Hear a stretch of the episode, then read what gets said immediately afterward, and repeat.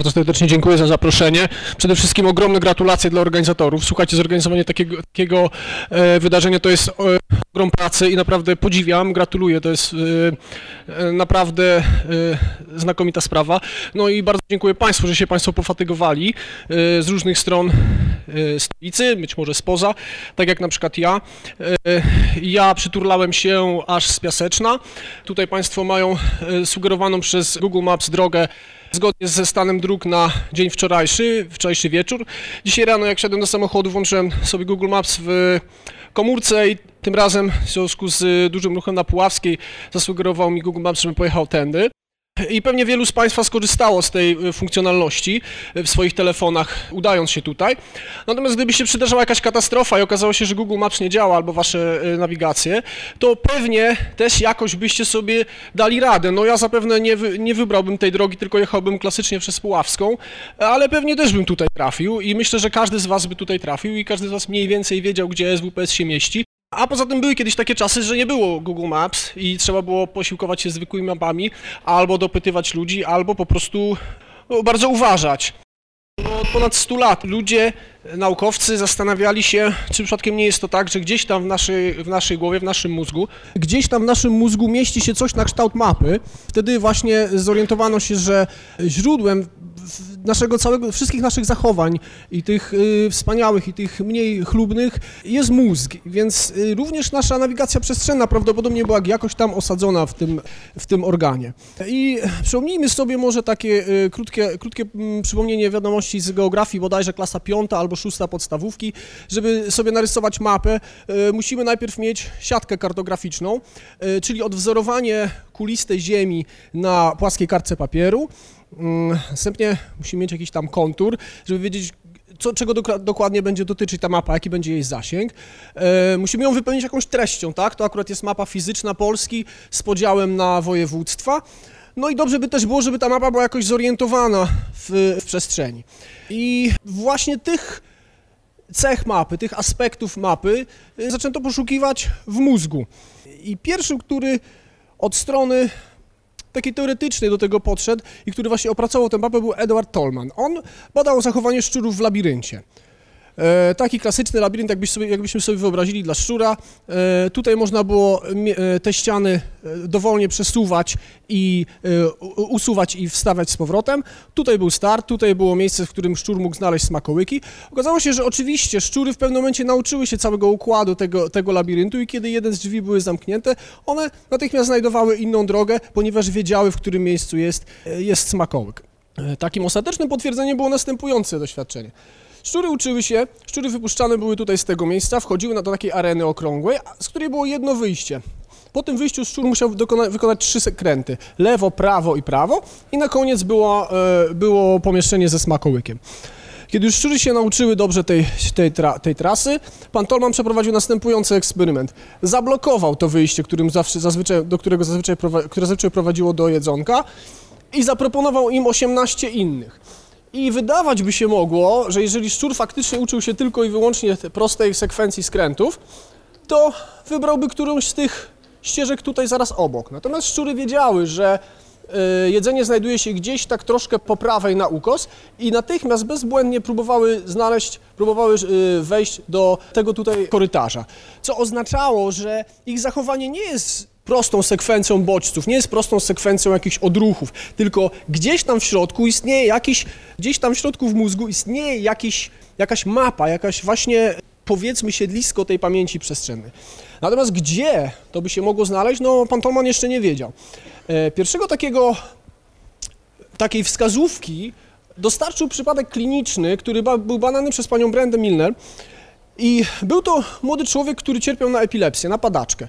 Ta padaczka, jej źródło zlokalizowane było takiej, tak wyglądał ten pan. Nazywał się Henry Moleson i właściwie jeszcze do jego śmierci, która miała miejsce 5 lat temu, znaliśmy go tylko pod inicjałami HM. On zgodził się na ujawnienie, e, ujawnienie pełnego, pełnych personaliów i teraz wiemy, że był to pan Henry Moleson. E, źródło jego padaczki znajdowało się w takim malutkim kawałku płata skroniowego, leżącym e, w, blisko środka mózgu, który nazywał się hipokamp. Hipokamp to e, z łaciny, hipocampus z- to z łaciny konik morski, ponieważ ten fragment faktycznie przypomina konika morskiego. Tam znajdowało znajdowało się źródło tej, tej epilepsji i pan Henry zdecydował się, że ta epi- epilepsja była bardzo ciężka, kilkadziesiąt ataków dziennie, także uniemożliwiała mu zupełnie funkcjonowanie. On zdecydował się, żeby usunąć ten kawałek swojego mózgu. Po prostu wycięto go chirurgicznie. I y, pacjent przeżył, natomiast y, bardzo y, jego, jego objawy tego, e, czy skutki tego, tej operacji były dosyć nieprzyjemne, ponieważ on stracił pamięć, a konkretnie pewne aspekty pamięci. Jedną z nich była, umie, była umiejętność nawigacji, rozpoznawanie miejsc, które znał, rozpoznawanie swojego własnego miasta. E, I wtedy właśnie zorientowano się, że najprawdopodobniej tam właśnie w hipokampie leży pamięć przestrzenna. Jako, że y, oczywiście ta operacja była bardzo brutalna i nie, nie można sobie wyobrazić powtarzania, eksperymentowania na ludziach, y, naukowcy uciekli się do y, modelu eksperymentalnego, którym jest szczur. Y, hipokamp w szczurze, u szczura, jak widzicie, zajmuje dużo więcej, proporcjonalnie dużo większą y, część mózgu. Dzieli się na hipokamp grzbietowy, a następnie tak jak banan albo właściwie najbardziej chyba do banana jest potrzebny, zagina się do dołu. E, I pan John O'Keefe postanowił zarejestrować aktywność indywidualnych komórek nerwowych, pojedynczych neuronów e, w tymże hipokampie. A jak to się robi? Bierze się taki bardzo cieniutki drucik, on ma około 10 no, do 12 mikrometrów średnicy. Tutaj widzicie taki pęczek czterech drucików, po to cztery zaraz wam wytłumaczę. I one są zaizolowane w plastiku. Te druciki wprowadza się podczas, y, podczas operacji, wprowadza się do mózgu zwierzęcia. Tak, że ich zakończenia gdzieś tam lądują losowo koło jakiejś przypadkowej grupy neuronów.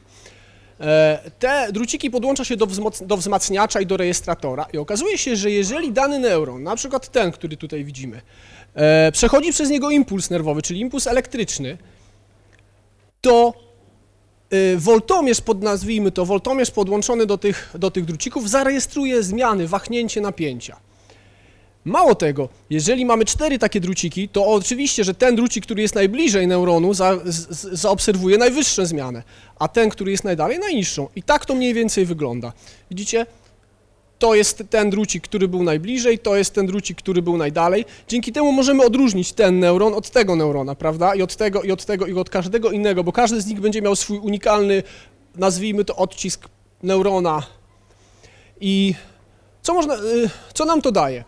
Po takiej operacji możemy, nie rusza się do przodu, o, możemy wpuścić szczura do pudełka, który ma mniej więcej metr na metr średnicy. I tutaj widzimy wynik, wynik takiego eksperymentu. Te czarne e, kreski to jest droga szczura. Szczur sobie biegał, chodził, zbierał smakołyki, które mu tam pan John O'Keefe wrzucał, a te zielone kropki to jest miejsce, w którym neuron przesyłał impuls nerwowy. Widzimy, że, to, e, że ten konkretny neuron, który tutaj obserwowaliśmy, on tylko w jednym bardzo ściśle określonym miejscu tego pudełka przesyłał impulsy nerwowe, czyli był specyficzny wobec tego miejsca. Tak to mniej więcej wygląda, gdybyśmy zrobili mapę częstotliwości, czyli mapę częstotliwości tych wyładowań. Widzimy, że tylko w tym jednym miejscu ten nasz neuron, który obserwowaliśmy, ulegał aktywacji. To znaczy, że faktycznie tworzył jakiś fragment mapy przestrzeni. Gdybyśmy zarejestrowali wystarczająco dużo neuronów, gdybyśmy, tak jak pokazywałem Wam na poprzednim slajdzie, gdybyśmy przeanalizowali wy- wyniki dla wszystkich tych neuronów, które tam były, otrzymalibyśmy przy w idealnym świecie coś mniej więcej takiego. Każdy z tych neuronów miałby swój własny kawałek pudełka, w którym by był tylko tam aktywny, a nigdzie indziej by nie był. I to odkrycie właśnie nazwano odkryciem mapy, mapy przestrzennej w mózgu, prawda? Ponieważ są to neurony specyficzne przestrzennie.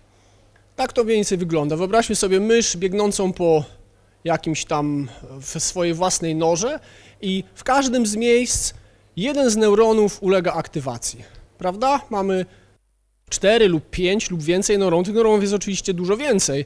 E, Tutaj jest to, jest to uproszczone. Te neurony siedzą właśnie w hipokampie, a ten drucik siedział sobie gdzieś tutaj i z nich rejestrował.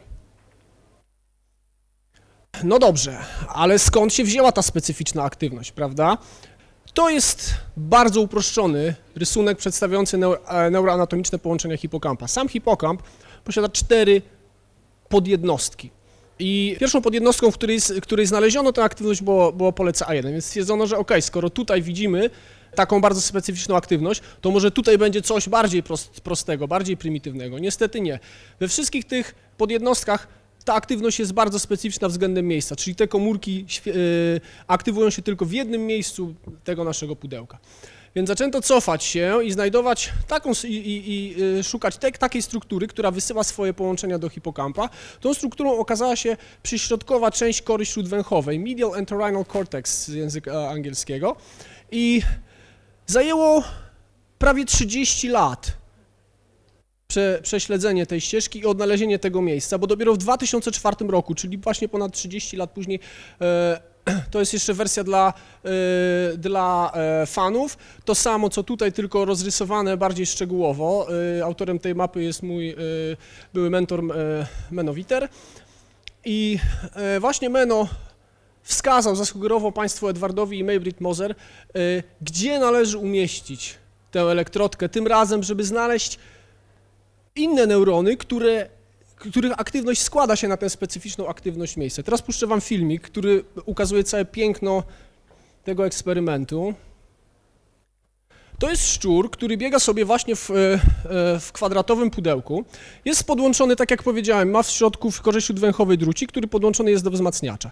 I teraz obserwujemy aktywność jednego z neuronów w korzy śródwęchowej. Za każdym razem, kiedy ten ne neuron ulega aktywacji, czyli, czyli przechodzi przez niego impuls elektryczny, pojawia się tutaj taka kropka. Na razie właściwie nie widzimy nic, teraz troszeczkę przyspieszamy, żebyśmy tutaj nie czekali, bo ta sesja trwa 10 minut, więc y, klip jest przyspieszony. Na razie nie widzimy jeszcze nic. Ale myślę, że już zaczynają Państwo widzieć, że ten neuron nie ulega wyładowaniom, nie ulega aktywacji w sposób losowy i jakiś tam przypadkowy, ale jego aktywność tworzy wzór, prawda? Widać wyraźnie trójkątne, czy jak kto woli heksagonalne wzory. Tak można to, po, tak można to po, e, pokazać w formie e, graficznej, gdzie czarna nitka to, to była trasa przebiegnięta przez tego szczura, a czerwone kropki to są miejsca, w których ten neuron ulegał wyładowaniu. Jest to przepiękny, heksagonalny, regularny wzór. Tutaj widać go jeszcze raz jako, jako mapę termiczną. I okazuje się, że w tej korze śródwęchowej znajdowały się neurony, które potrafią w nieskończoność odmierzać przestrzeń. To znaczy, gdyby szczur szedł w tą stronę, to co ileś tam, tutaj w tym przypadku pewnie jakieś 20-30 cm ten neuron pokazywałby mu, że już przeszedł 20-30 cm. A więc te neurony są w stanie odmierzać przestrzeń w nieskończoność i mówić szczurowi, gdzie on jest. Jak ten wzór może powstawać, jak to możliwe?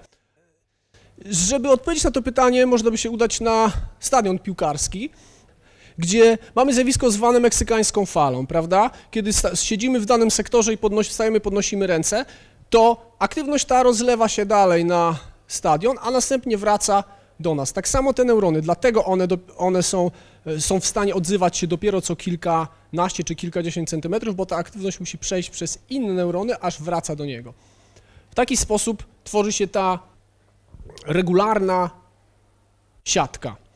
Jeszcze powiemy sobie chwilkę o tym. Zobaczcie, to jest wynik kolejnego eksperymentu, czyli to było, tym razem było to większe pudełko, szczur sobie biegał i zobaczcie, za każdym razem, gdzie pojawia się taka kropka, to ten dany neuron, z którego rejestrowaliśmy w korze śródwęchowej, był aktywowany. Przepiękna, regularna struktura.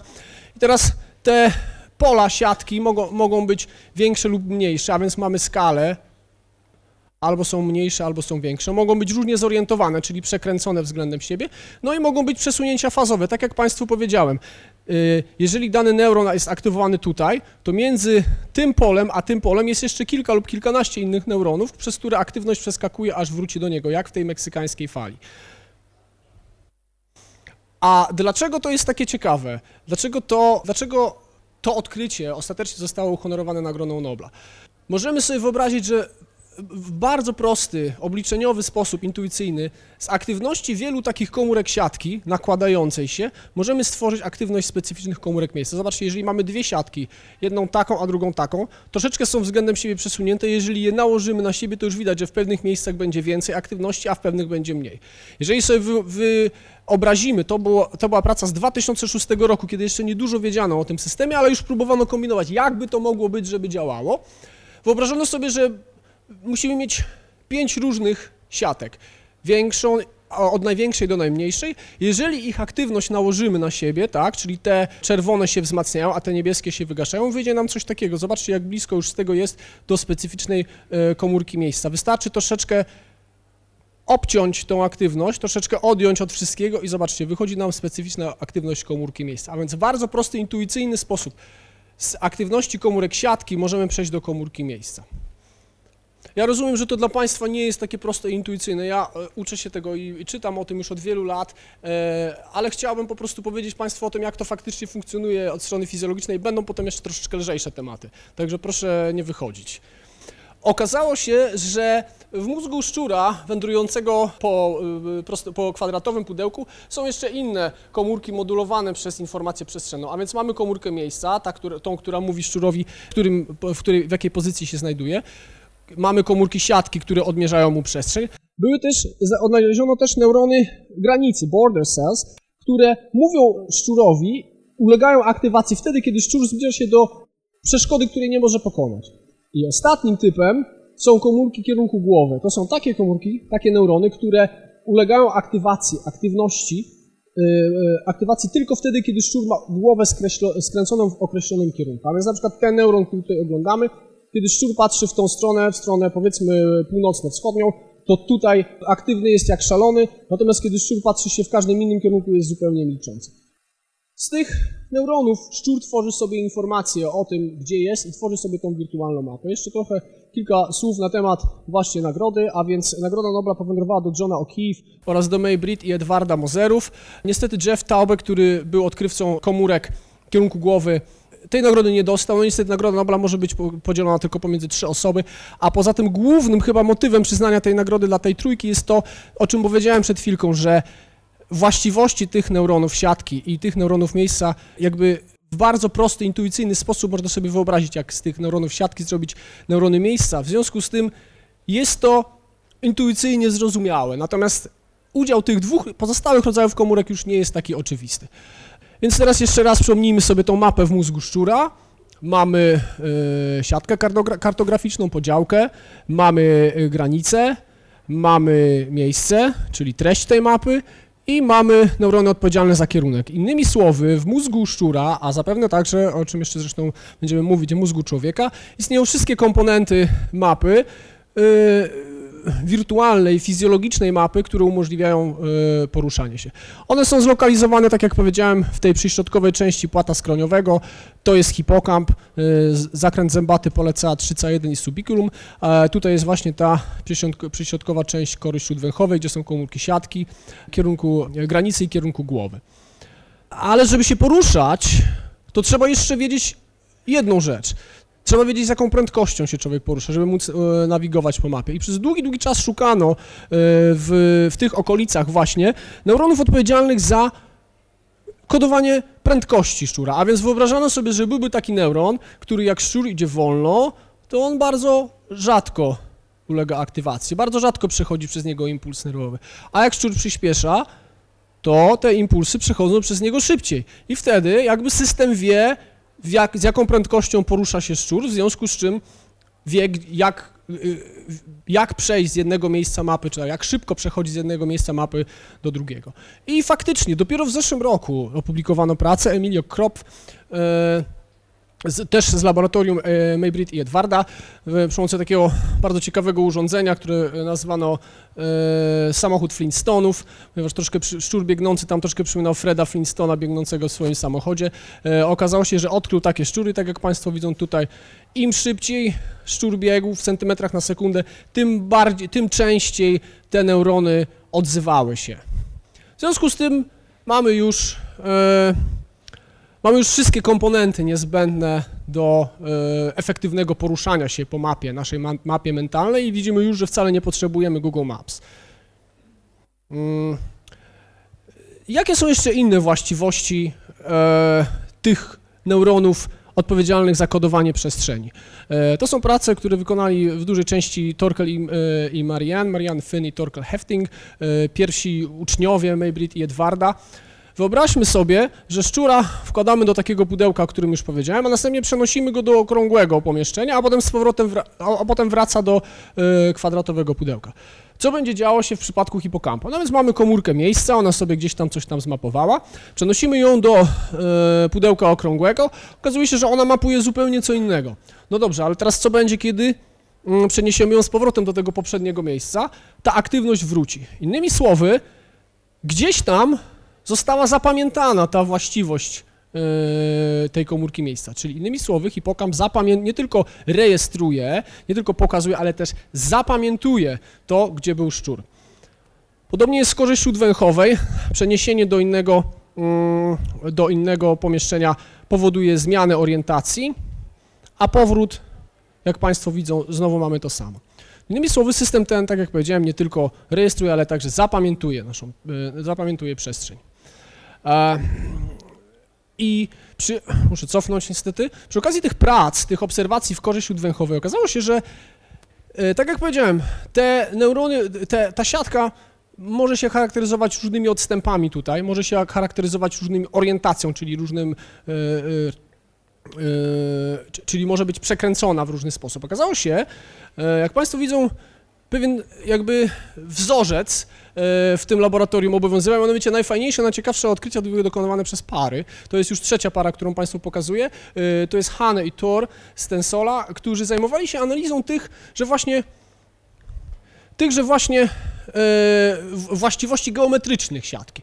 I okazało się, że kiedy przesuwali taką elektrodę, a właściwie jak widzicie ich było ich wiele, e, przez korę śródwęchową, odkrywali grupy, populacje neuronów o zbliżonych właściwościach. Nazwali je modułami. Okazało się, że im głębiej się wchodzi, im niżej, tym te odstępy są większe, prawda? I w obrębie takiej grupy bardzo zbliżone. I okazało się, że faktycznie, pamiętacie jak wam pokazywałem kilkanaście, czy kilka, czy kilkanaście slajdów wcześniej, że ktoś wymyślił sobie w 2006 roku, że fajnie by było, gdyby były takie, by było takich pięć różnych rodzajów siatki i jakbyśmy je nałożyli, to by była idealna komórka miejsca. Okazało się, że ta stricte teoretyczne, takie stricte teoretyczne przewidywanie znalazło potwierdzenie w przyrodzie, ponieważ kilka lat później, to dopiero był rok 2009, nawet trzy lata później, e, okazało się, że faktycznie tak jest i nie jest ich pięć, a cztery. I okazuje się, że i teraz wra- wracamy do tego, okazuje się, że każda, każdy z tych modułów, każda z tych grup komórek remapuje się inaczej. To znaczy, jak przeniesiemy, jak przeniesiemy je do innego środowiska, to moduł pierwszy się na przykład przekręci o 60 stopni, ale wszystkie komórki w tym module, moduł drugi przekręci się o 45 i przesunie o 5 y, centymetrów i tak dalej. Czyli każdy z tych modułów remapuje się osobno i dzięki temu można stworzyć praktycznie nieskończoną liczbę kombinacji tych czterech modułów, a więc praktycznie nieskończoną liczbę kombinacji, nieskończoną liczbę e, komórek miejsca różnych. Czyli gdybyśmy się przenosili, e, tak gdybyśmy tego szczura przenosili do kolejnych pudełek, każde byłoby inne, trójkątne, kwadratowe, w jednym pomieszczeniu, w drugim, białe, czarne i tak dalej, to za każdym razem każdy z tych modułów remapowałby się inaczej, a z tego by powstawała inna kombinacja komórek miejsca. Dzięki temu e, Spróbuję Wam pokazać jeszcze może to na przykładzie kłódki. Jeżeli mamy w kłódce e, cztery pozycje, tak jak tutaj cztery moduły, a w każdej pozycji możemy mieć 10 cyfr, to mamy 10 tysięcy różnych kombinacji, które, e, kombinacji szyfrów. Bardzo podobnie jest tutaj, oprócz tego, że oczywiście tych pozycji mm, e, jest więcej niż 10. Innymi słowy, poprzez, poprzez indywidualne remapowanie każdego z tych modułów możemy osiągnąć nieskończoną liczbę kombinacji, czyli dzięki temu szczur może za, za, zapamiętać nieskończoną liczbę różnych środowisk, a przynajmniej bardzo dużą y, liczbę różnych środowisk, co oczywiście jako gatunkowi pomaga mu bardzo w ekspansji.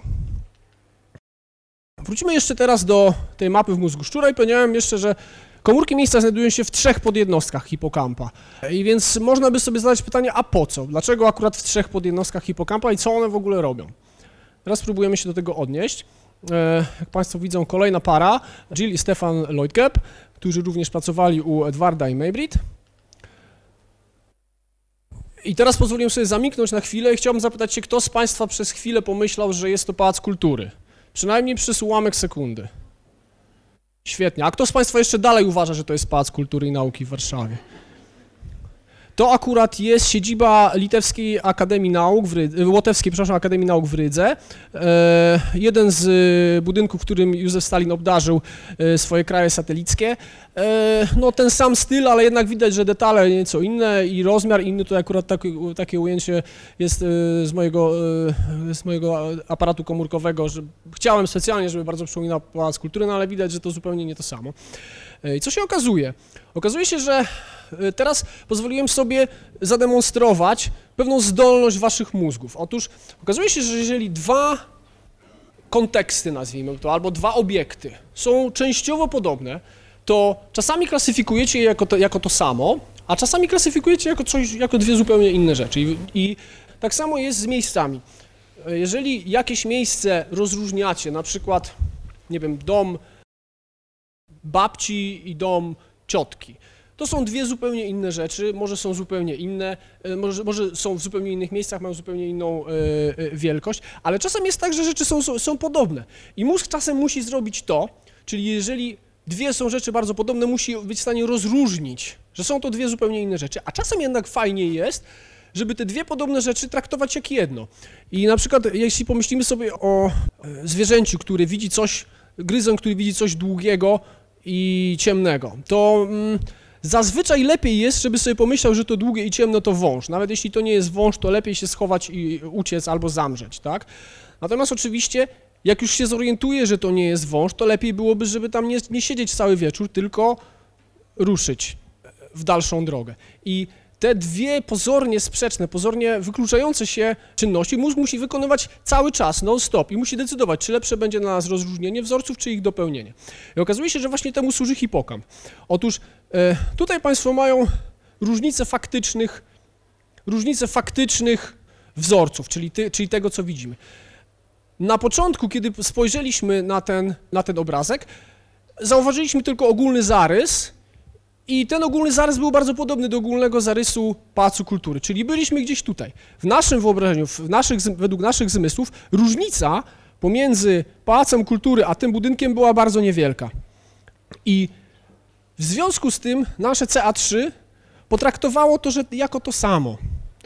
W związku z tym zmniejszyło tą różnicę na wyjściu i stwierdziło, ok, to jest to samo, ale jak zaczęliśmy się przyglądać bliżej temu rysunkowi, temu zdjęciu, to okazało się, że faktycznie widzimy coraz więcej detali, coraz więcej szczegółów i zaczynamy dostrzegać coraz więcej różnic pomiędzy, pomiędzy tym, co widzimy, a tym, co jest w naszej pamięci i widzicie, ta krzywa w tym momencie przechodzi w górę i w tym momencie już widzimy, że nasze CA3, czyli to jedno z pól hipokampa, wspaniale nam rozróżnia, kiedy już jest wystarczająca różnica dla naszych zmysłów jakby.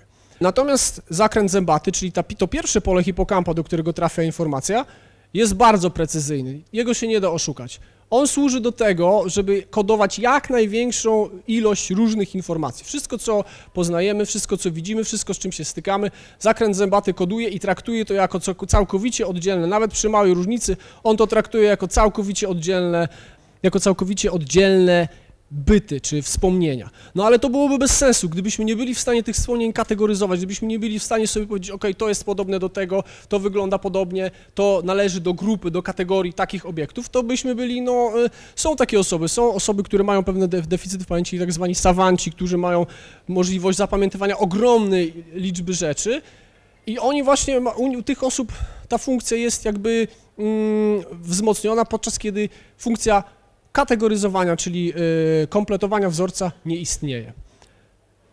I temu właśnie służą te trzy pola, a więc pierwszy zakręt zębaty, który to rozróżnia, CA3, które dokonuje, e, dokonuje dopełnienia wzorca i CA1, który jest właściwie tylko i wyłącznie takim końcowym przetwornikiem.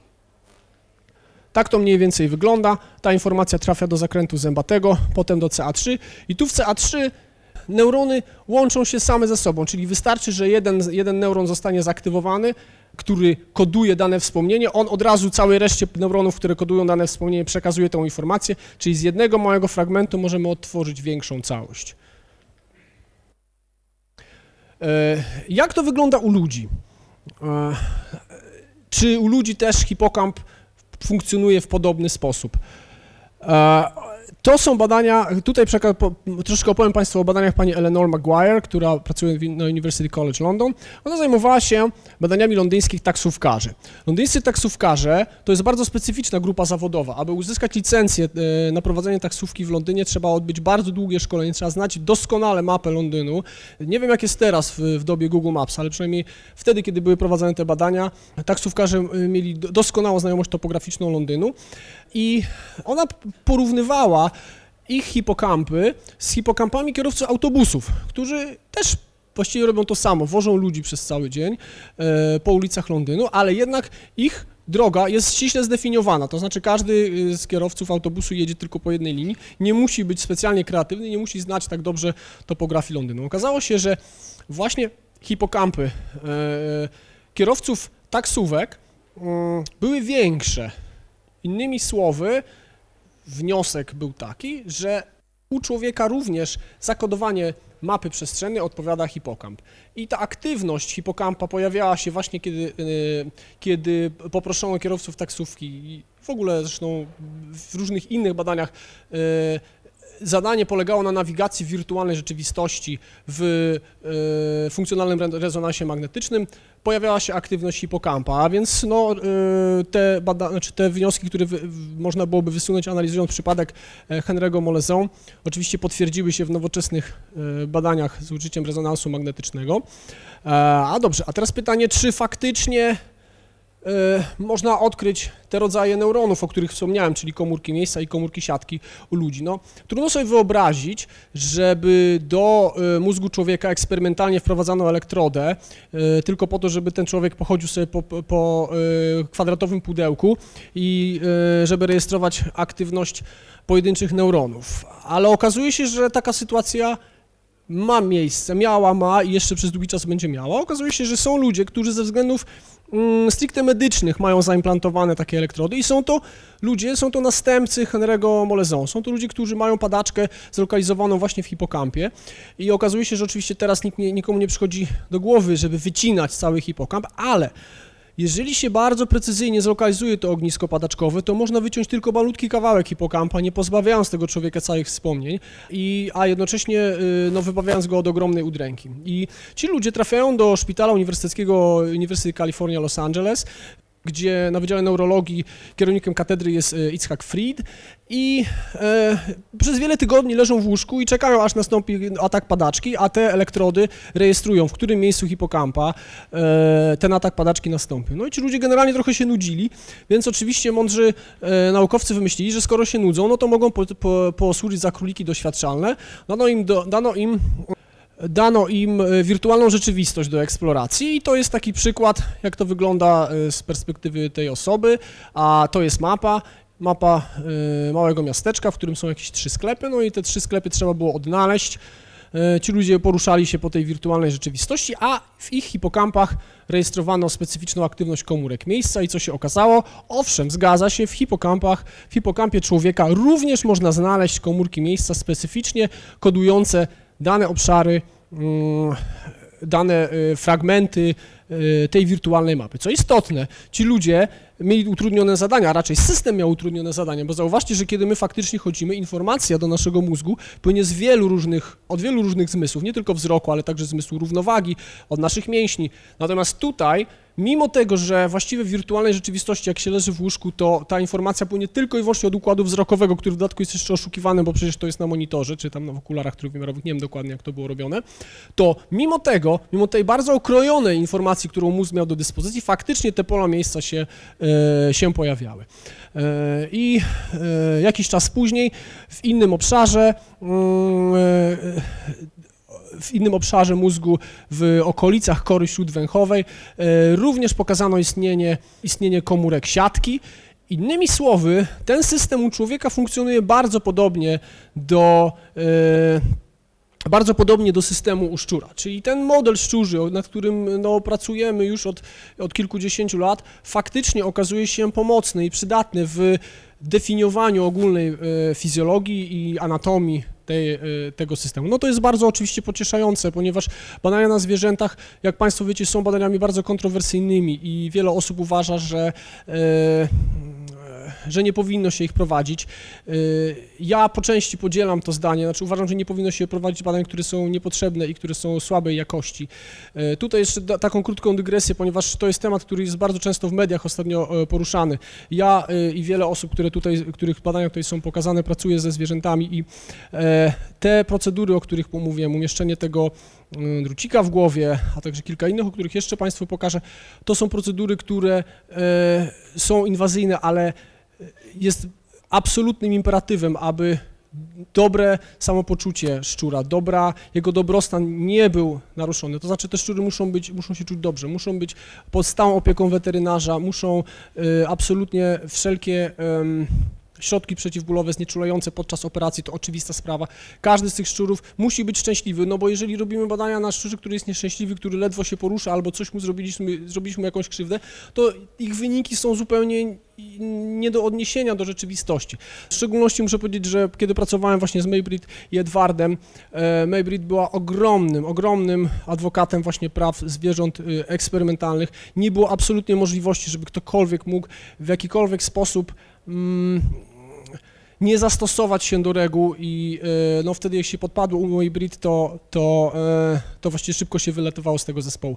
Dlatego przynajmniej w tym przypadku, o którym tutaj wspominam, te e, mm, to ten dobrostan zwierząt jest jednym z absolutnych imperatywów i głównych jakby mm, rzeczy, na których się skupiamy, ponieważ te zwierzęta muszą czuć się dobrze. One bardzo dobrze to znoszą, one się cieszą, one e, są, no staramy się, żeby, żeby żyło im się jak najlepiej, lubią bardzo współpracować z ludźmi, cieszą się na spotkanie, cieszą się na tą eksplorację, na to nawet bieganie po pudełku, na różne inne zadania, o, których, które, o których tutaj nie mam czasu opowiadać. E, i to tylko taka dygresja, która akurat, która, którą akurat teraz spontanicznie troszkę wrzuciłem, ale chciałbym, żeby Państwo o tym wiedzieli. Natomiast co dokładnie może oznaczać, czy, czy to oznacza, że hipokamp u człowieka tylko i wyłącznie się ogranicza do tego mapowania przestrzeni? Ja powiedziałem Państwu, przedstawiając przypadek Henry'ego Moleson, że między innymi miał zaburzone formowanie mapy i między innymi nie był w stanie znaleźć różnych miejsc w swoim środowisku. Ale oprócz tego jeszcze miał bardzo dużo różnych, innych deficytów. Nie był w stanie, e, stracił bardzo dużo innych rodzajów pamięci. Zapomina, zapomniał o zdarzeniach ze swojego życia, które mniej więcej były 10 lat wstecz przed tym, e, przed, tym, e, przed tą operacją. Nie pamiętał wydarzeń, nie pamiętał różnych okoliczności, nie pamiętał pewnych e, kontekstów, że tak powiem. I tu spróbuję Państwu podać taki przykład. Co dokładnie jeszcze koduje u człowieka hipokamp, oprócz tej zwykłej mapy? To jest mapa e, okolicy, e, w której jesteśmy e, i teraz każdy z Państwa, patrząc na tą mapę, widzi nie tylko topografię, widzi nie tylko e, zakorkowane tutaj skrzyżowanie koło śpiących, e, ale każdy z Was, jeżeli kiedykolwiek był w tej okolicy, przypomni sobie jakieś wydarzenie z tym związane. Ja na przykład pamiętam na drugim roku studiów, e, mieszkałem tutaj na Askenazego, e, wynajmowaliśmy z kolegami mieszkanie studenckie, naszą sąsiadką była aktorka pani Ewa Gawryluk. E, na czwartym roku z kolei mieszkałem jeszcze dalej tutaj e, na Zaciszu. Tutaj kiedyś byłem, kiedy miałem, e, kiedy moje szczury złapały pchły, byłem w katedrze małych zwierząt SGGW, gdzie bardzo profesjonalnie asystenci pomogli mi się uporać z tym. Kiedy patrzę na tę mapę, to nie widzę tylko topografii, ale widzę pewne wydarzenia, pewne konkretne zdarzenia z mojego życia. Na przykład kiedyś, i było to już około 20 lat temu, tutaj w sklepie przetargowej, kupiłem swoje pierwsze wino, takie troszkę lepsze, kalifornijskie, za 26 zł. E, i szliśmy wtedy na imprezę do kolegi Andrzeja na targówek. I teraz Państwu pokażę zdjęcie z tej imprezy. To 20 lat temu. E, proszę Państwa, to była impreza, na której, na której motywem przewodnim była fantazyjna fryzura. Tego dobrze nie widać na zdjęciach, ale prawie każdy ją ma. E, I kiedy patrzę na tę mapę, to właśnie to zdjęcie i to wydarzenie jest jednym, jedną rzeczy, które sobie przypomniałem, ponieważ mój hipo- hipokamp zmapował nie tylko tą topografię, ale także pewne wydarzenie z mojego życia. Przenoszę się faktycznie pierwszej osobie do tego, do tego domku na Zaciszu, gdzie mieszkał Andrzej Dziębowski. Zaraz Państwu opowiem o tych ludziach, którzy są na zdjęciu, bo to też jest ciekawa sprawa. I przypominam sobie, jak to było na tej imprezie.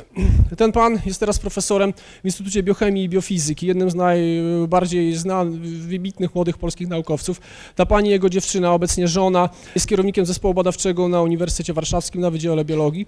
Ci państwo, e, ta pani na Uniwersytecie Kalifornia San Diego, ten pan w Scripsie w San Diego, Ta pani jest profesorem w Instytucie Biologii Doświadczalnej im. Nęckiego, ta pani jest również kierownikiem zespołu badawczego, ten pan profesor w Międzynarodowym Instytucie Biologii Molekularnej i Komórkowej, ci państwo adiunkci na Wydziale Biologii, ta pani jest profesorem na Uniwersytecie w Stanford, ten pan w Oksfordzie. Tego pana znacie.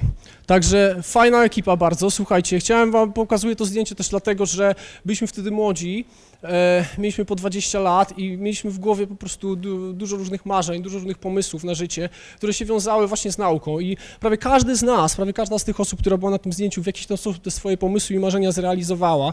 I chciałbym was zachęcić e, trochę, tak korzystając z tej okazji, do tego, żebyście, jeżeli jeszcze macie szansę, a na pewno każdy z was jeszcze ma, e, żebyście podążali za swoimi marzeniami, e, mimo że czasem jest ciężko, ale naprawdę warto. E, kariera naukowa jest wspaniała. Dzięki temu miałem okazję pomieszkać w kilku e, pięknych miejscach na świecie. E, spędziłem trochę czasu w Neapolu, pracując tutaj w stacji zoologicznej w Lwowie, również w, we współpracy z Ukraińską Narodową Akademią Nauk. W Los Angeles, tutaj w tym budynku mniej więcej pracowałem i w Trondheim gdzie miałem przyjemność współpracować z noblistami, więc kariera naukowa jest wspaniała. Jest to, jest to coś zupełnie unikalnego, zupełnie e, no, chciałbym jak najbardziej zarekomendować. To jest taki przykład jednego z, z, z efektów stania naukowcem. Noblistka e, lajkuje zdjęcia moich dzieci na Facebooku. To taki codzienny, a poza tym też Małgosia Kosu, która dzisiaj rano miała wykład, również zalajkowała. E, I chciałbym jeszcze może pokazać troszeczkę od troszeczkę kilka rzeczy, którymi zajmujemy się w Instytucie Biologii Doświadczalnej. Ten budynek to, centr, to się te dwa nowe skrzydła to Centrum Neurobiologii e, Instytutu Dęckiego mm, i e, tam od stycznia prowadzę, znaczy e, prowadzę swój, swój własny zespół. Wcześniej byłem tam zatrudniony jako adiunkt i chciałem Państwu pokazać, co robimy. To jest moja pierwsza zarejestrowana komórka miejsca, no może nie taka piękna jak te, które Państwu pokazywałem, ale widać wyraźnie, że ten szczur sobie biegał e, i e, gdzieś tutaj w tym miejscu, tak jak pokazuje to ta mapa termiczna, był szczyt tej aktywności. Ktoś mógł powiedzieć, wow, 40 lat po nobliście, no to się w porę ogarnąłeś, chłopie.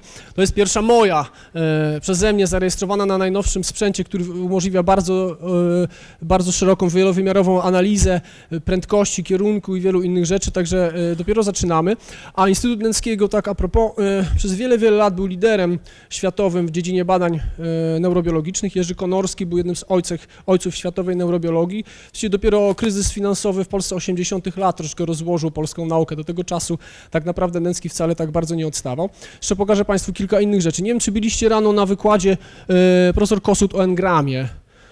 Byliście? To jest właściwie, można powiedzieć, engram. Ten obrazek przedstawia jest to widok w głąb mózgu żywej myszy. E, ta mysz, e, w tej myszy podmieniłem jej kawałek kości czaszki na e, szkiełko mikroskopowe. Dzięki temu w żywej myszy mogłem zaglądać do jej mózgu, a te tutaj zielone kropeczki to są neurony, które uległy aktywacji podczas nabywania, podczas uczenia się w labiryncie. I jak Państwo widzą, nie wszystkie neurony, jest troszkę ciemnych miejsc, to w ogóle jest cień od, e, od dużego naczynia krwionośnego na powierzchni mózgu. E, te neurony, które tutaj, tutaj widzicie, to właśnie jest engram, to, są, to jest właśnie ślad pamięci w, w najbardziej jakby fizycznej swojej formie, czyli zaglądam i je widzę. To białko reporterowe, zielone właśnie powstaje wtedy, kiedy mysz uczy się czegoś nowego. I tą myszkę po takiej sesji e, behawioralnej, czyli tej sesji w labiryncie, e, delikatnie usypiam takim środkiem, który się używa do uspokajania na przykład psów u weterynarza. Ją, wkładam ją delikatnie pod mikroskop i ona sobie leży i śpi, a ja zaglądam jej do mózgu i patrzę i wyszukuję tych, e, tych komórek, a następnie w czasie tego, takiego treningu mogę to robić wielokrotnie i zaglądać i patrzeć, gdzie, które z tych neuronów po raz kolejny będą aktywowane, a które aktywują się losowo. I dzięki temu mogę, mogę śledzić faktycznie, fizycznie tworzenie się engramów w mózgu. Jeszcze inny przykład. Te żółte tutaj to są włókna nerwowe wysyłane przez tamte zielone komóreczki, które widzieliśmy wcześniej. Są one wysyłane do miejsca, w którym znajdują się, do, do kory śródwęchowej, o której Państwu już mówiłem, gdzie znajdują się komórki siatki grid cells i te komórki siatki grid cells otrzymują informacje od tych moich neuronów, którymi, które obserwowałem po raz pierwszy. Tak a propos, yy, ten engram w tej strukturze korowej yy, byłem jedną z pierwszych, znaczy właściwie pierwszą osobą, którego, która go odkryła i opisała. I chciałem zobaczyć, jak on oddziałuje z tym, co już wiadomo, czyli z tym, co odkryli Państwo Mozerowie. I właśnie tutaj w tym eksperymencie pokazałem, że jeżeli się zastymuluje te włókna nerwowe, to te komórki tutaj odpowiadają, czyli istnieje przekaz informacji od tej mojej struktury korowej do tego całego systemu, o którym Państwu e, opowiadałem. Że gdzieś tam na peryferiach tych prac się znajdu znajdują te nasze odkrycia. A to jest nasza, nasz najnowszy cel badawczy, to jest mysz, która nazywa się Brainbow i w tej myszy każdy z tych neuronów świeci na inny nieco kolor. Tutaj nawet jest, wydaje się, że one właściwie mają tam 4 czy 5 podstawowych kolorów, ale tak naprawdę, jak je dobrze roz, rozdzielić spektralnie, okazuje się, że każdy z tych neuronów ma swój własny indywidualny kolor. To oznacza, że jestem w stanie na przykład skupić się na, na tym neuronie i prześledzić wszystkie jego wypustki, zarówno w jedną, jak i w drugą stronę. Jestem w stanie indywidualnie każdy z tych neuronów prześledzić, gdzie on wysyła swoje wypustki i jaka jest jego, jego anatomia. Te myszy właśnie sprowadzamy do instytutu, kosztują więcej tyle, co, co dobry rasowy pies za sztukę, także mam nadzieję, że im się nic w drodze nie stanie i że za jakiś czas będę się Państwu mógł pochwalić własnymi badaniami, e, obserwacjami właśnie na, e, na tych myszatych. I na tym bym chyba zakończył. E, jeżeli Państwo mają jakieś pytania, albo bardzo ściśle, albo bardzo luźno związane z tematem tego wystąpienia, to bardzo chętnie odpowiem. Mamy jeszcze całkiem sporo czasu, więc na razie dziękuję za uwagę.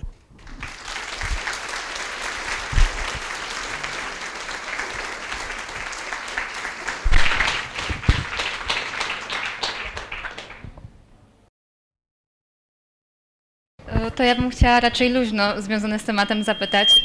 Skoro wiemy, że procesy pamięciowe są związane z hipokampem, i chciałabym się zapytać, jeśli chodzi o tych taksówkarzy, czy e, to, że mieli lepiej rozwinięty hipo, hipokamp, no wiadomo, że inaczej by nie zdobyli tej pracy, ale to też mogło zależeć od tego, że oni tą pamięć jednak codziennie ćwiczyli.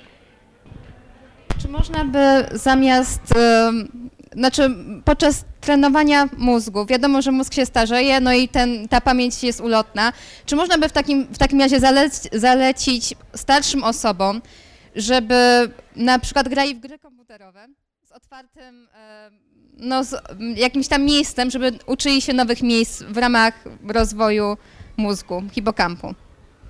E, ta odpowiedź brzmi tak. Brzmi tak. W ogóle chciałbym poruszyć taką, tak, takie zjawisko społeczne, a mianowicie są ludzie, którzy sobie kiepsko radzą z, z nawigacją, prawda?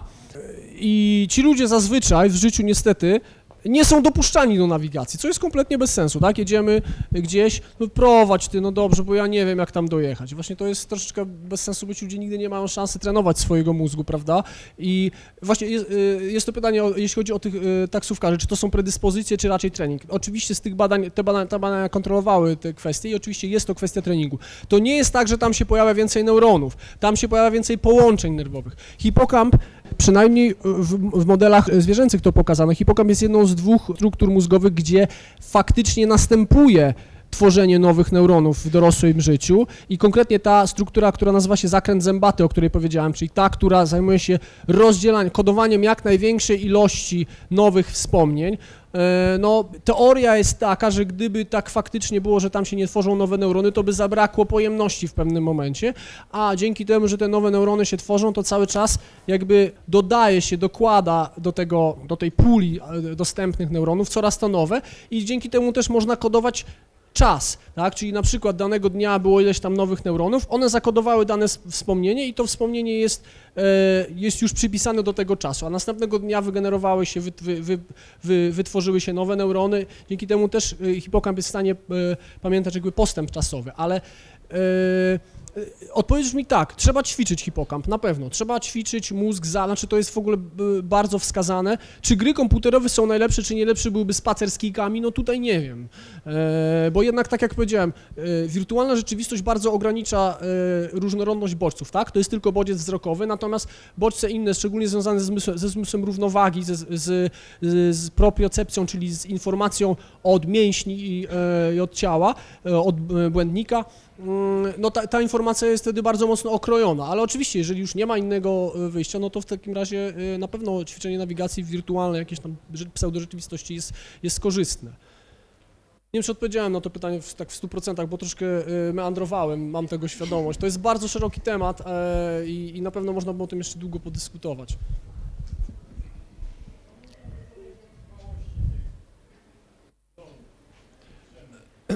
E, jeżeli chodzi o trwałość, no one, one nie są, one nie trwają wiecznie, prawda? One, y, jest, no, no, faktem jest, że zapominamy. Y, wśród naukowców w tym momencie jest ogromna dyskusja, czy zapominanie to jest faktycznie degradacja tego, y, tego wzoru, degradacja tego wzoru pamięci, czy też nieumiejętność do niego dotarcia. Może ten wzór tam jest, ale my nie jesteśmy w stanie do niego dotrzeć, prawda? I w wielu przypadkach wydaje się, wiele eksperymentów na zwierzętach jakby sugeruje, że to nie jest tak, że tego tam nie ma. To tam jest, tylko my już do tego nie jesteśmy w stanie sięgnąć. Nie mamy połączenia z tym, z z tym, e, z tym wspomnieniem.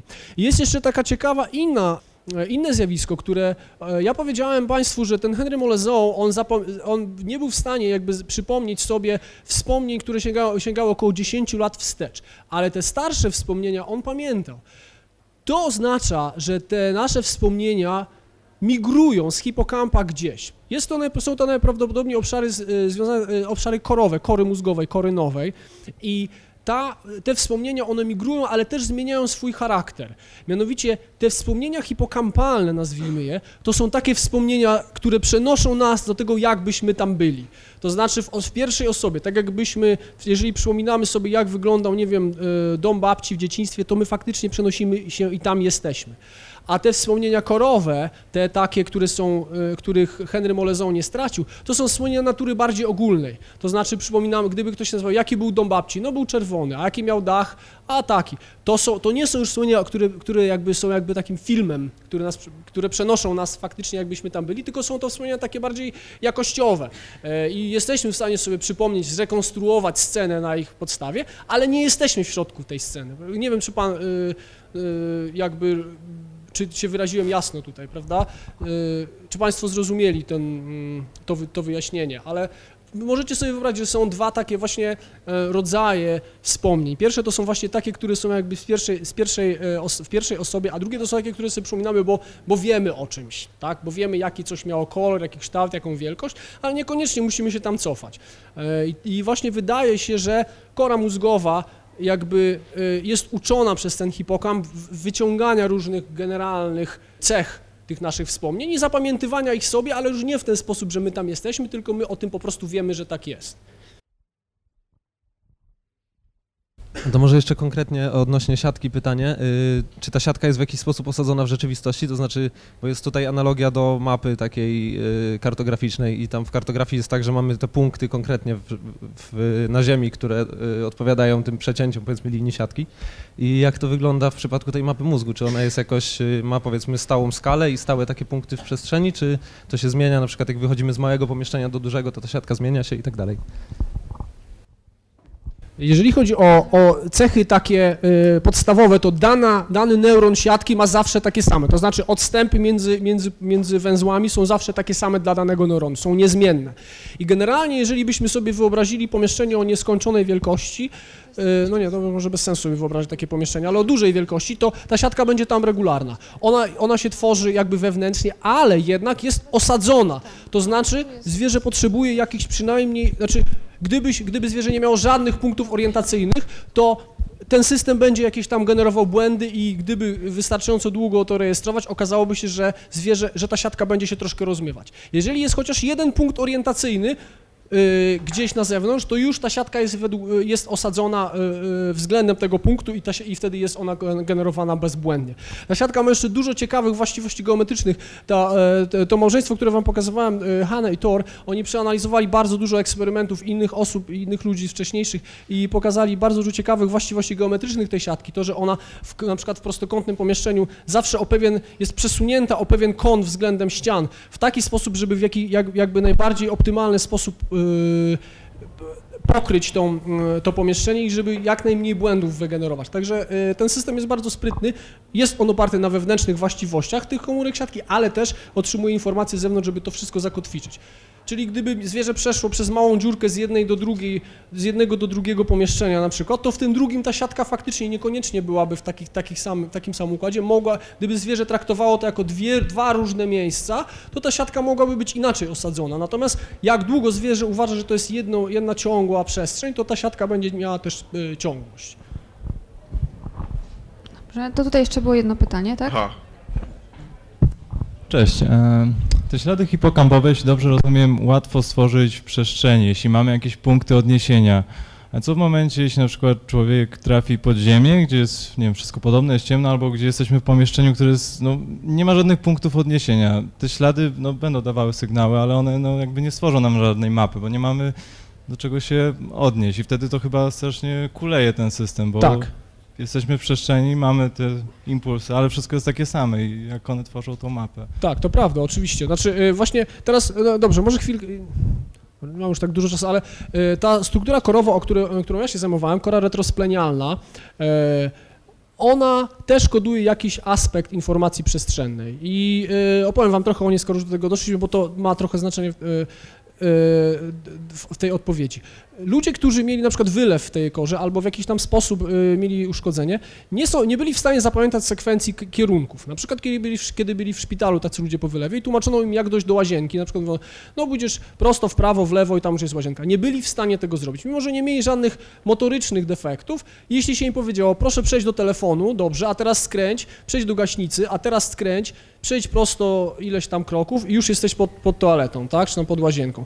To byli w stanie zrobić, ale nie byli w stanie zapamiętać sekwencji skrętów. I badania na szczurach, i, znaczy na modelach zwierzęcych właśnie pokazały, że ta, ta struktura korowa odpowiedzialna jest za kodowanie e, w jakiś sposób sekwencji kierunków. I te badania, które ja prowadziłem, właśnie miały to na celu, to, to, ten, te, ten test behawioralny, ten labirynt właśnie miał na celu pokazanie, że, że myszy, e, które, mm, którym farmakologicznie unie, e, na chwilkę, na, na około godziny wyłączałem tą strukturę, nie były w stanie zapamiętać sekwencji kierunku. I okazuje się, że właśnie nie tylko hipokamp, ale też inne struktury mogą tworzyć tą mapę. I jeżeli nie mamy informacji od hipokampa, czyli nie, nie mamy kontekstu, nie wiemy, o, jestem tu, o, jestem gdzieś tam, to tylko na, i wyłącznie na podstawie sekwencji kierunków, czyli przeszedłem 10 kroków w przód, skręciłem, przeszedłem dzie- 10 kroków w lewo, w przód, skręciłem i tak dalej, można też sobie stworzyć tą mapę, czyli y, zresztą w, roz, w czasie rozwoju mózgu najpierw jakby tą mapę tworzy tylko i wyłącznie informacja kierunkowa. Dzieci nie są w stanie formułować kontekstów, zapamiętywać, yy, zapamiętywać yy, jakichś pomieszczeń czy, czy miejsc, w których były, ale to nie znaczy, że nie mają mapy. Ona jest bardzo zubożona, ona tylko i wyłącznie funkcjonuje w oparciu o informację kierunkową. I tak samo, kiedy nie mamy nic innego, to jednak ten kierunek, chociażby z liczenia kroków, z tego, że nasze ciało wie, ile przeszliśmy i z grubsza wie, ile skręciliśmy, jest w stanie sobie budować tą mapę, ale ona będzie bardzo zubożona, bo nie będzie nigdzie zakotwiczona, a poza tym, jeżeli chodzi o zakręty, to się strasznie szybko można pogubić, nie? I mm, ta, w związku z tym w normalnym, dorosłym, funkcjonującym mózgu te dwie rzeczy współpracują, tak? Czyli mamy hipokamp, który ją pokazuje, ok, jestem tu, jestem w tej sali, a jednocześnie mamy informację kierunkową od kory retrosplenialnej, ok, szedłem, żeby przejść na przykład do bufetu, no to muszę przejść e, prawo, lewo, potem znowu jeszcze raz prawo i już właściwie przejść przez drzwi i już jestem i teraz myśląc o tym, myślę o sekwencji kierunków, a jednocześnie przypominam sobie, co mijałem po drodze, tak? Tamtą dużą salę, gdzie są wszystkie pokazy, potem takie przewężenie, potem korytarzyk, potem jest dziekanat, potem skręcam w prawo i jestem w bufecie, prawda? Czyli jednocześnie informacja kierunkowa z, z, z sekwencją mi- mijanych przeze mnie yy, yy, pomieszczeń, prawda? W ten sposób odtwarzam sobie drogę do, do bufetu. E, I jeżeli nie mam którejś z tych informacji, no to oczywiście, gdybym na przykład nie był w stanie zapamiętać, żeby było ciemno, to musiałbym tylko i wyłącznie bazować na tym, jaka była sekwencja kierunków, no ale to byłaby słaba mapa, prawda? A gdybym miał właśnie tak jak ci pacjenci wyłączoną korę e, retrosplenialną, byłoby mi bardzo ciężko. Musiałbym właśnie identyfikować po kolei każdy z kontekstów, czyli musiałbym podejść tam, rozejrzeć się, a teraz muszę podejść tam, rozejrzeć się i tak dalej. Nie byłbym w stanie pamiętać, jakie to są kierunki. Także jest to system, który jest, składa się z wielu modułów. Y, Witek z Warszawy. Z tego wykładu zrozumiałem, że orientacja człowieka jest analogiczna do orientacji szczura, natomiast gdzieś słyszałem, że wibrysy, czyli wąsy u szczura bardzo e, dużą rolę odgrywają w orientacji, zwłaszcza w małych przestrzeniach. Czy, czy właśnie chciałem się zapytać, jaką, jaką, jaką rolę one odgrywają? Czy są jakieś badania na przykład, jak szczur się orientuje, powiedzmy niewidomy szczur na podstawie tylko wibrysów? Szczury w ogóle bardzo słabo widzą w porównaniu do ludzi.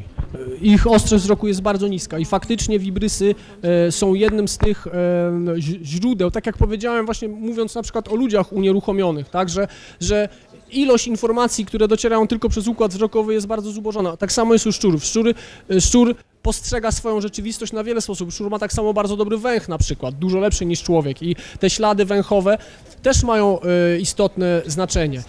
Hipokamp ma to do siebie, a raczej ta kora e, śródwęchowa, o której tutaj mówiłem przed chwilką, ma też to znaczenie, że ona integruje te wszystkie informacje. To znaczy, tak jak Państwu pokazywałem na przykład na, na moich własnych badaniach, informacja kierunkowa z kory retrosplenialnej jest integrowana w korze śródwęchowej, tak? Czyli mamy informację kierunkową wzrokową, mamy informację od wibrys, mamy informację od, od węchu i hipokamp buduje, jak sobie przypomnimy, na przykład, y, nie wiem, czy Państwo mieli kiedykolwiek coś, y, tak, ta, y, kiedykolwiek przydarzyło się Państwu coś takiego, że na, y, że jakiś zapach, który Państwo czują, przenosi Państwa w jakieś miejsce. Czujecie zapach i nagle, o, tak pachniała szarlotka u babci, albo tak pachniała moja pierwsza dziewczyna i przynosi, przenosimy się zaraz na, na pierwszą randkę w życiu, prawda?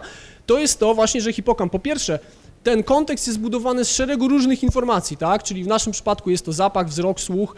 E, W przypadku szczura jeszcze też e, informacja od wibrys. I to, co pokazywałem w CA3, z jednej szczątkowej informacji jesteśmy w stanie odtworzyć cały kontekst, prawda? Także oczywiście pod tym względem te gatunki się różnią, z całą pewnością. Dzień dobry, mam na imię Rafał.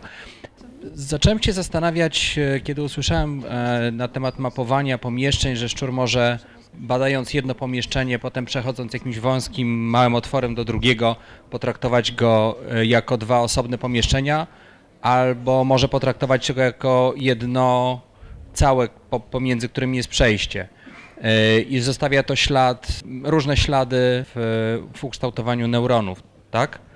Dobrze to zroz- zroz- zroz- E, tak, to znaczy zrozumiałem? to zależy, w zależności od tego, jak się przeprowadzi ten eksperyment oczywiście. Tak. e, I moje pytanie jest, e, e, czy e, postrzeganie e, upływającego czasu, kiedy e, ludzie traktują pewne wydarzenia jako, jako właśnie osobne, niepowiązane ze sobą, powiedzmy takie pokoje w tak zwanej strukturze in time, albo że traktują, że te wydarzenia tworzą jakąś ciągłość poprzez czas, czy to jest to po, podobne, podobny jest mechanizm tworzenia tego śladu neuronalnego w mózgu i czy, czy te same, czy te podobne e, struktury biorą w tym udział?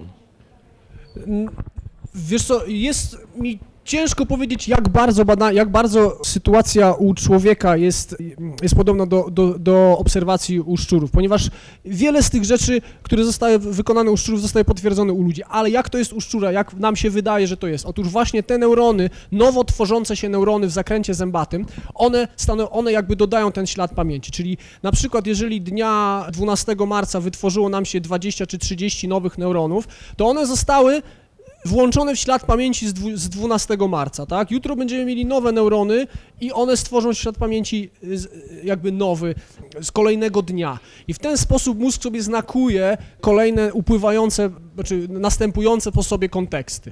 Y, Jak bardzo dużą to ma rozdzielczość, no różnie to bywa, tak? Czasami pamiętasz, pamiętasz na przykład, nie wiem, miałeś 17 lat, pojechałeś na obóz żeglarski, no to nie jest tak, że pamiętasz każdy dzień tego obozu żeglarskiego, ale jednak jakieś wspomnienia e- epizodyczne z tego obozu żeglarskiego masz, czyli gdzieś tam jest jakaś pula neuronów zakodowanych w tym samym czasie. Jak to dużą ma rozdzielczość? Tego dokładnie nie wiadomo, ale gdzieś na pewno jest taki mechanizm, który to umożliwia i, i, i wiele doświadczeń na, na zwierzętach pokazywało, że faktycznie hipokamp jest w stanie jakby li, zliczać, liczyć czas. Dzień dobry. Ja się chciałem spytać, czy jeśli chodzi o komórki mi miejsca, to czy obszar, który jest kod przez nie kodowany, przez jakąś taką jedną komórkę, jest w jakiś sposób proporcjonalny do obszaru e, pomieszczenia, w którym był zamknięty szczur? I jeżeli tak, to czy są jeszcze jakieś wielkości gr graniczne? Że na przykład e, ten nie jest na przykład kodowany z obszar większy od jakiegoś albo mniejszy od jakiegoś? Istnieje pewien gradient, pokazywałem wam, y, hipokamp szczura jest takim bananem zagiętym. Istnieje pewien gradient, im bardziej zbliżamy się do tego hipokampu brzusznego, tym te pola, miejsca są wyższe, bardziej rozmyte, większe i bardziej rozmyte. W tym hipokampie grzbietowym są one bardziej ostre i mniejsze.